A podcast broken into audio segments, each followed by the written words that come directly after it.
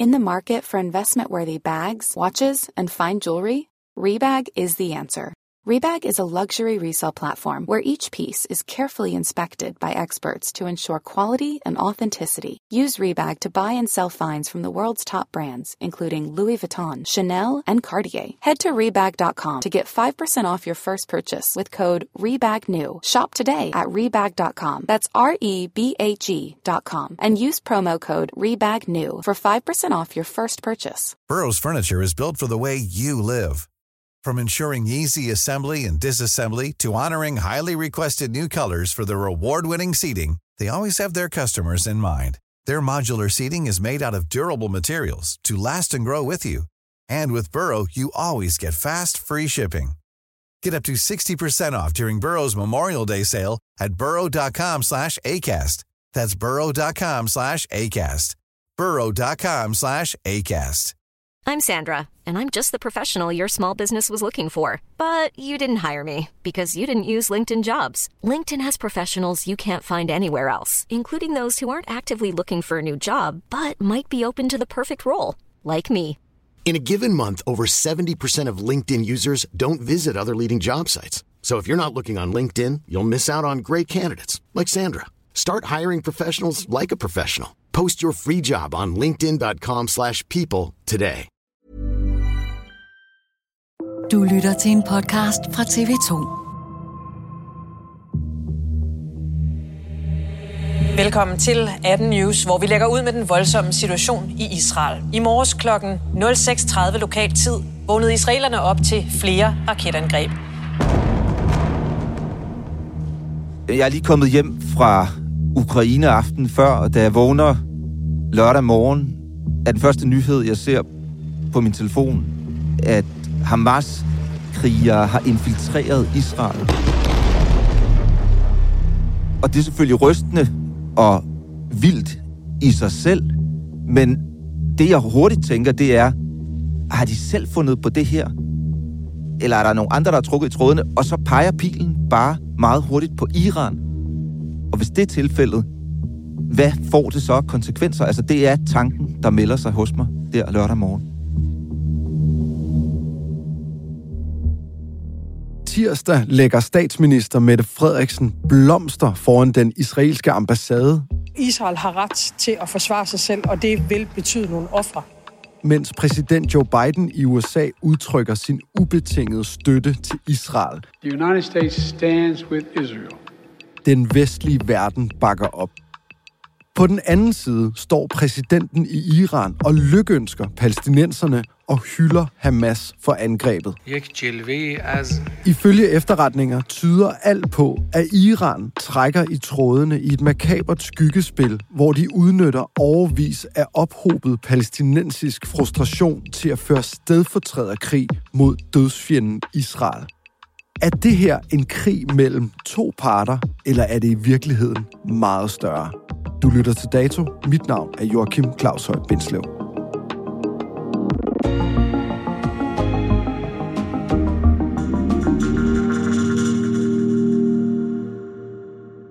Velkommen til dig, Benjamin. Helt kort. Hvad er din reaktion på det, der sker lige nu? Altså, hvis du spørger mig som menneske, så er jeg jo lige så rystet og øh, forfærdet over det, vi ser, som, som jeg tror, alle andre er. Hvis du spørger mig som journalist, er jeg ikke overrasket. Det skulle ske på et tidspunkt, men jeg er overrasket over den kraft, angrebet øh, fra Hamas er kommet med. Det er lidt over halvandet døgn siden, at øh, eksplosionen skete lige herover. Vi er lige ankommet til Beirut. Benjamin Kyrstein, du er TV2's korrespondent i Mellemøsten. Du har boet i Libanon, og så har du dækket store dele af Mellemøsten for os i flere år efterhånden her på TV2. Du er vant til at være nede i marken, så at sige, i Mellemøsten. Det har du været mange gange i flygtningelejre, og jeg ved ikke hvad. Hvordan er det at sidde herhjemme i Danmark og følge med i det, der foregår dernede? Jamen, det, det er, jeg vil da hellere være der for at sige det, øh, som det er. Nu er tingene lige faldt på en måde, så det er jeg ikke lige nu. Det er jeg sikkert inden længe. Men det gør indtryk, fordi for mig er det jo mennesker, jeg kender. Mennesker, jeg har set i øjnene. Mennesker, jeg har mødt. Jeg sendte en besked øh, i aftes til, til en god bekendt i Libanon. Jeg håber, at du har det godt, og at det her ikke øh, kommer til at eksplodere. Og så fik jeg et svar tilbage, som egentlig ikke var det svar, jeg havde forventet. Øh, jeg fik et svar tilbage. Dejligt at høre fra dig. Jeg håber, at dine børn og din kone har det godt. Det er forfærdeligt, det der sker, men lad os håbe, det endelig kan ændre noget. Nå, hvorfor havde du ikke forventet det så? Jeg tror, og det er måske tilbage til dit spørgsmål om før med at sidde på afstand, at øh, vi er så tunet ind på øh, katastrofen af terrorangrebet fra Hamas lige nu, at det er svært at se nuancerne i virkeligheden. Nu var det her en muslim, grev til. Hun er ikke øh, religiøs sådan i hverdagen. Vi er kommet meget sammen med hende, og min familie er. Og det, der overraskede mig lidt ved svaret, men som egentlig ikke overrasker mig, når jeg tænker over det, det er den rolle, Israel har i landene rundt omkring i regionen ses af de fleste mennesker som værende, de, at de er en besættelsesmagt. De, de har besat områder, som tilhører nogle andre mennesker, og det er den virkelighedsopfattelse, der er. Så hende, jeg skrev til her i Libanon i går, hun synes selvfølgelig ikke, det er fedt, eller i orden, eller rigtigt, at der er mennesker, der dør, men i hendes virkelighedsopfattelse, og det var det, svaret reflekterede, så er det israelerne, der er problemet. Det er israelerne, der har uret, og derfor kommer der den reaktion, der er kommet, og det får så hende til at håbe, at det kan ændre på den dynamik, der er. Der foregår lige nu en krig mellem Israel og Hamas med fokus på Gaza, lille stribe af land i det sydlige Israel. I dag skal vi faktisk tale om Iran. Hvorfor egentlig det? Jeg tør godt at konkludere allerede nu, at Iran har haft en rolle i det her. Der sker ikke noget i Mellemøsten, som Iran ikke har en rolle i. Og der havde ikke været et angreb af det her omfang fra Hamas mod Israel, hvis ikke Iran havde hjulpet til. Det her angreb, det starter lørdag morgen. Krigen brager lige nu. Flere tusind mennesker er døde. Mange flere såret. Hvor hurtigt tænkte du Iran? Det var det første, jeg tænkte. Det allerførste, du tænker? Det, det, det allerførste, jeg tænker, lad mig spole en lille smule tilbage. Altså, selvfølgelig tænker jeg, at det er forfærdeligt, øh, men, men det, der har vi jo været. Det nærliggende er, og det israelerne jo også har holdt øje med, og, og amerikanerne har holdt øje med, og alle mulige andre øh, har holdt øje med, det er, kommer det her til at brede sig? Kommer vi til at se et angreb fra Libanon, hvor Hezbollah-bevægelsen holder til? Hezbollah-bevægelsen er Irans forlængede arm, kan du sige, ind i Libanon.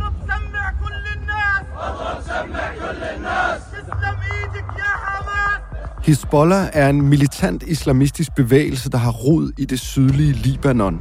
Gruppen selv påstår, at de får deres penge gennem investeringer og donationer til gruppen, men alle vestlige efterretningstjenester mener, at det i højeste grad er Iran, der leverer både penge og våben til gruppen. Hezbollah har Israel som erklæret hovedfjende.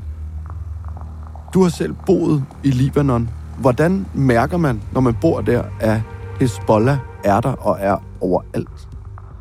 Man kan ikke undgå Hezbollah i Libanon, og man kan måske ovenikøbet stille spørgsmålet, øh, er Hezbollah en del af Libanon, eller er Hezbollah Libanon? Ikke? Altså, Libanon har sin egen regering, på papiret, men øh, den reelle magt i landet er Hezbollah. Der, hvor det måske blev allertydeligst for mig i den periode, hvor jeg boede der, det var efter drabet på den øh, iranske general Qasem Soleimani, som blev dræbt af en amerikansk drone i Irak. Der skyndte jeg mig til Irak for at dække den historie, og da jeg så kom hjem fra Irak, skulle jeg køre fra lufthavnen og hjem øh, til mit eget hjem øh, i udkanten af Beirut, og da jeg kørte ind ad lufthavnsvejen, som jeg har kørt masser af gange før, hvad ser jeg så? Jamen, hele vejen på vej ind til Beirut, der er der bare kæmpe fotostater af billeder af Qasem Soleimani, som i fire, måske 5 meters højde. Så hvis jeg havde været i tvivl før om, om Hezbollah og Iran, som jo er deres, hvad skal man sige, dem, der, der, der egentlig har magten, jamen, så var jeg ikke i tvivl længere, da jeg så det. Har du egentlig selv haft sådan sammenstød med Hezbollah, mens du boede i Libanon? Nej, men jeg har drukket te med dem. Okay, øh, så I har hygget jer lige fra? Vi har hygget os, ja. Altså, da jeg flyttede til Libanon i sin tid, der var der en god ven og journalist, en lokal, som sagde, det er nok en meget god idé, hvis du skal bo her, at øh, vi introducerer dig til Hezbollah. Og så fik jeg en længere forklaring på det arbejde, Hezbollah laver. Der blev ikke snakket så meget om øh, den væbnede del, fordi det, der også hører med til historien, det er jo, at Hezbollah er mere end bare en milits. De er også et, en politisk bevægelse. De har medlemmer i det øh, i libanesiske parlament. Så, så det var mere den del, jeg fik lov til at høre om. Ikke så meget den del, der handler om angreb og så videre på Israel. Men, men når det er sagt, så er det jo ikke noget, de lægger skjul på. Altså, det er jo årsagen til, de er der i første omgang. Det er at bekrige Israel, så det er ikke nogen hemmelighed. Men de er i Libanon så integreret en del af samfundet efterhånden, at de for libaneserne er meget mere end bare en, i deres øjne, modstandsbevægelse. Og hvordan er forholdet så mellem Iran og Hezbollah? Det er iranerne, der i begyndelsen af 80'erne etablerede Hezbollah. Så hele fundamentet for Hezbollah kommer fra Iran, og du kan være helt sikker på, at Hezbollah kommer ikke til at gå ind i en krig med Israel, med mindre iranerne et har nikket til det, eller to, måske endnu mere sandsynligt, har bedt om det. Hvad er så Hezbollahs forhold til Hamas? Hezbollah og Hamas er en del af det, iranerne kalder en modstandsakse. Og i de seneste år er de så blevet bragt tættere og tættere sammen i takt med, at Iran har skruet op for støtten til Hamas, og andre har forladt Hamas, fordi Hamas har jo haft mange støtter gennem tiden, men de er råd mere og mere ud på et sidespor. Vi ved også, at der er tætte forbindelser mellem Hezbollah og Hamas. Vi ved, at de har møder. Øh, vi ved, at Hamas også har en tilstedeværelse i Libanon, og man kan ikke være i Libanon, hvis ikke at man har Hezbollahs velsignelse til det. Kan du prøve at forklare, hvor store er de egentlig? Altså, du ved, hvad er omfanget af de her bevægelser? Hezbollah i Libanon, som de facto er styret af iranerne, og så Hamas, øh, der er i Gazastriben primært. Altså, Hamas, hvis du sammenligner med Hezbollah, er en miniput. Alt den stund, at de er på et lille område på, på størrelse med, øh, med Langeland, hvor de er omringet på det meste af territoriet af Israel, så det begrænser Hamas muligheder. Hezbollah har en helt anden rækkevidde og nogle helt andre forudsætninger. Et kæmpe budget, som primært kommer fra Iran, og Hamas har en brøkdel af det. Hvis man skal lave det lidt forsimplet, så er Hezbollah-bevægelsen en top-tunet, øh, veltrænet, veludrustet milits. Jeg vil, jeg vil gå så langt som at kalde det nærmest en hær, hvor øh, Hamas i modsætning til det er en øh, velorganiseret, men mindre øh, lokal terrorbevægelse, øh, som har øh, svagere forudsætninger. Hvordan hjælper Hezbollah og Iran så Hamas? Jamen, de helt konkret hjælper iranerne Hamas med penge.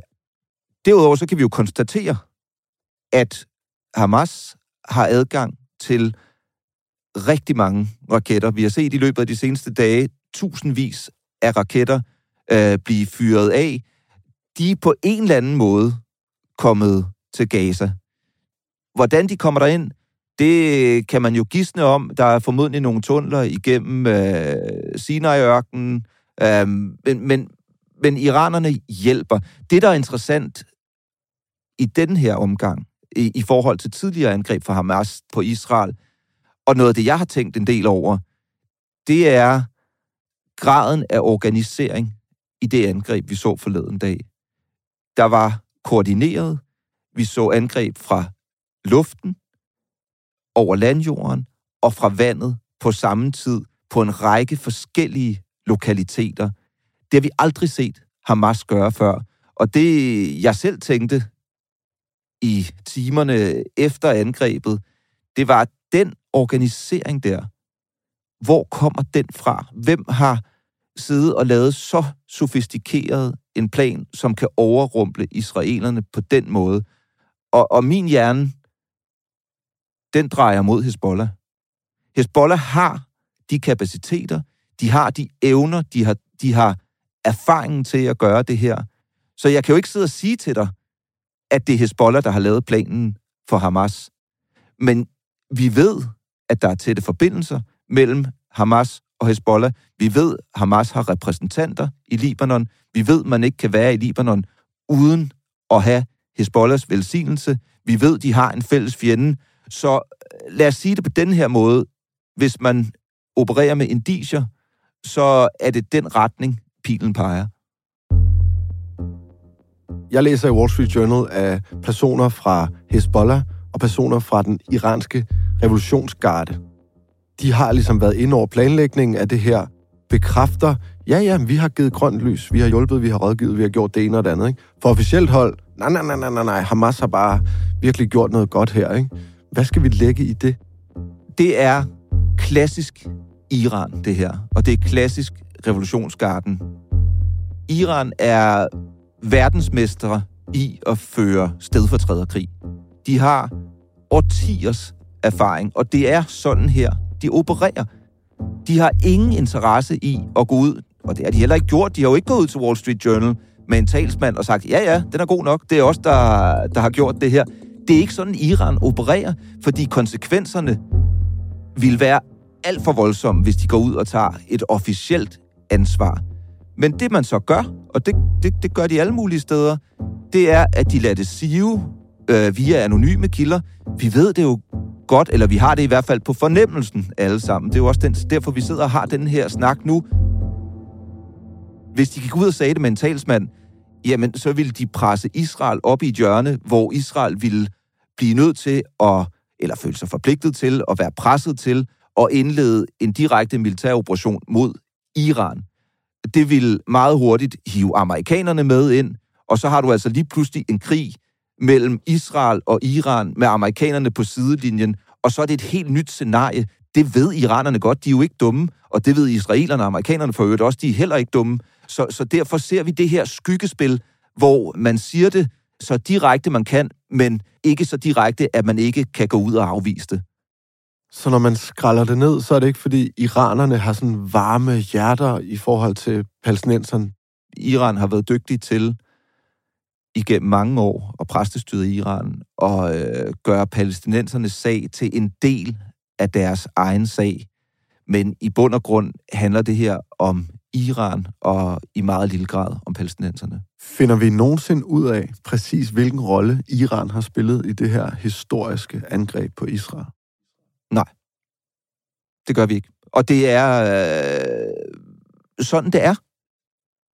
Der er ikke, altså, jeg vil ønske, at jeg kunne komme med et langt svar til dig, men det, Iran er så dygtig til, det er at iscenesætte den her slags ting rundt omkring. De har ikke nogen interesse i at gå ud og sige direkte, at det var os, men det har de jo alligevel formået at gøre, fordi os, der følger det, er ikke i tvivl. Så historien er derude, men øh, den er så tilpas vag, at vi ikke kommer til at få de finere detaljer, men man er ikke efterladt med tvivl om, at Iran selvfølgelig har et enormt fingeraftryk i det, der sker. Under en tale dagen efter, at angrebet startede, der lovede Hezbollahs ledelse, at de vil støtte palæstinenserne, også med våben. Lige nu tyder alt på, at der er en landinvasion på vej i Gazastriben. Altså soldater, der render rundt inde i et tæt befolket område. Hvad har Iran og Hezbollah muligheder for at hjælpe Hamas i den situation? De har flere muligheder. For det første har de jo haft mulighed allerede, fordi de formodentlig, det formodentlig ikke kommer bag på dem, det der er sket, for at sørge for at træne Hamas, øh, sørge for, at de har våben og ammunition, strategier, taktikker til at kæmpe en beskidt landkrig inde i Gaza, som, som kommer til at blive beskidt. Det er et af de tættest befolkede områder i verden. Det vælter med våben, så man kan ikke undgå, hvis israelerne rykker ind på landjorden, at det kommer til at blive meget øh, voldsomt.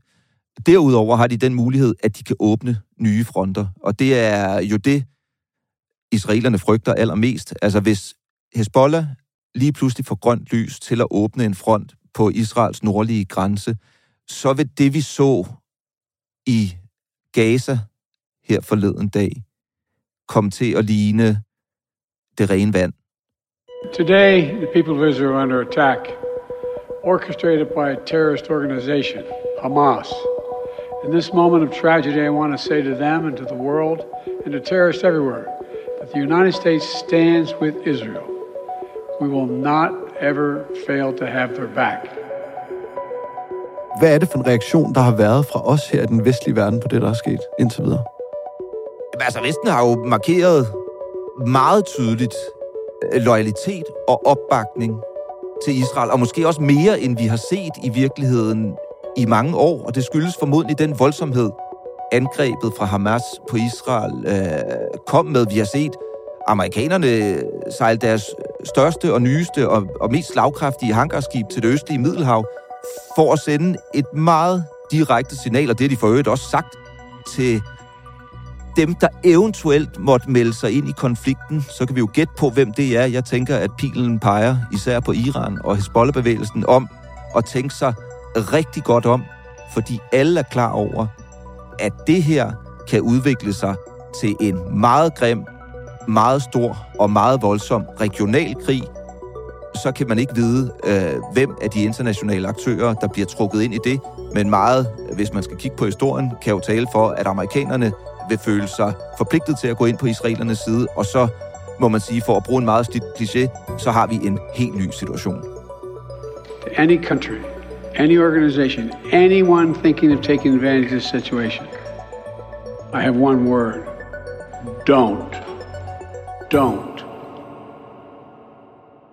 Flere vestlige ledere, altså Joe Biden i USA, Rishi Sunak i England, Macron i Frankrig siger, Iran, I skal ikke udnytte den her situation. Hvad er det, de mener med det?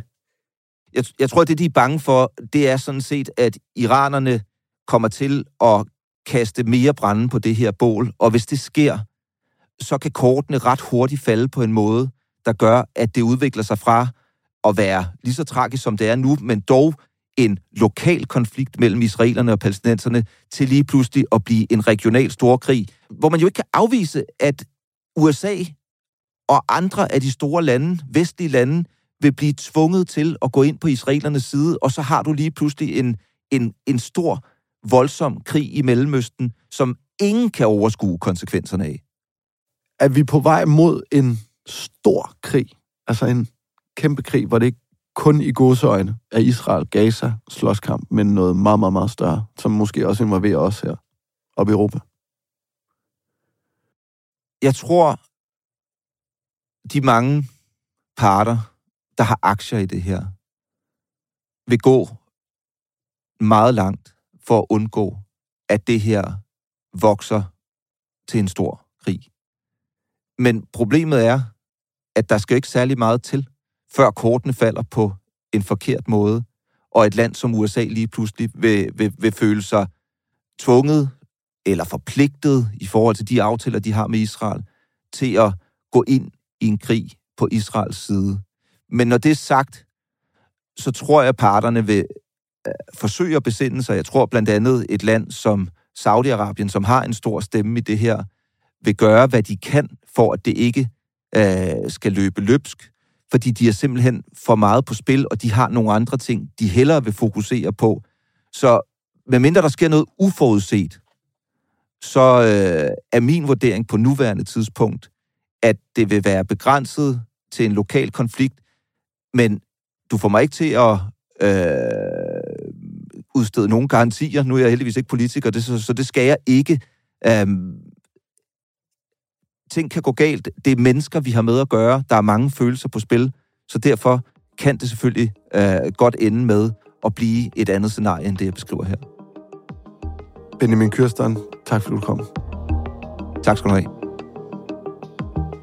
Dagens program er tilrettelagt af Mathias Bundgaard og Sune Hyun Krolykke. Leo Peter Larsen står for lyddesign.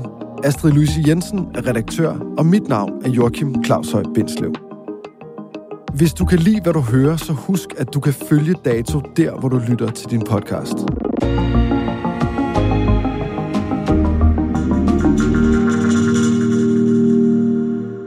Du har lyttet til en podcast fra TV2.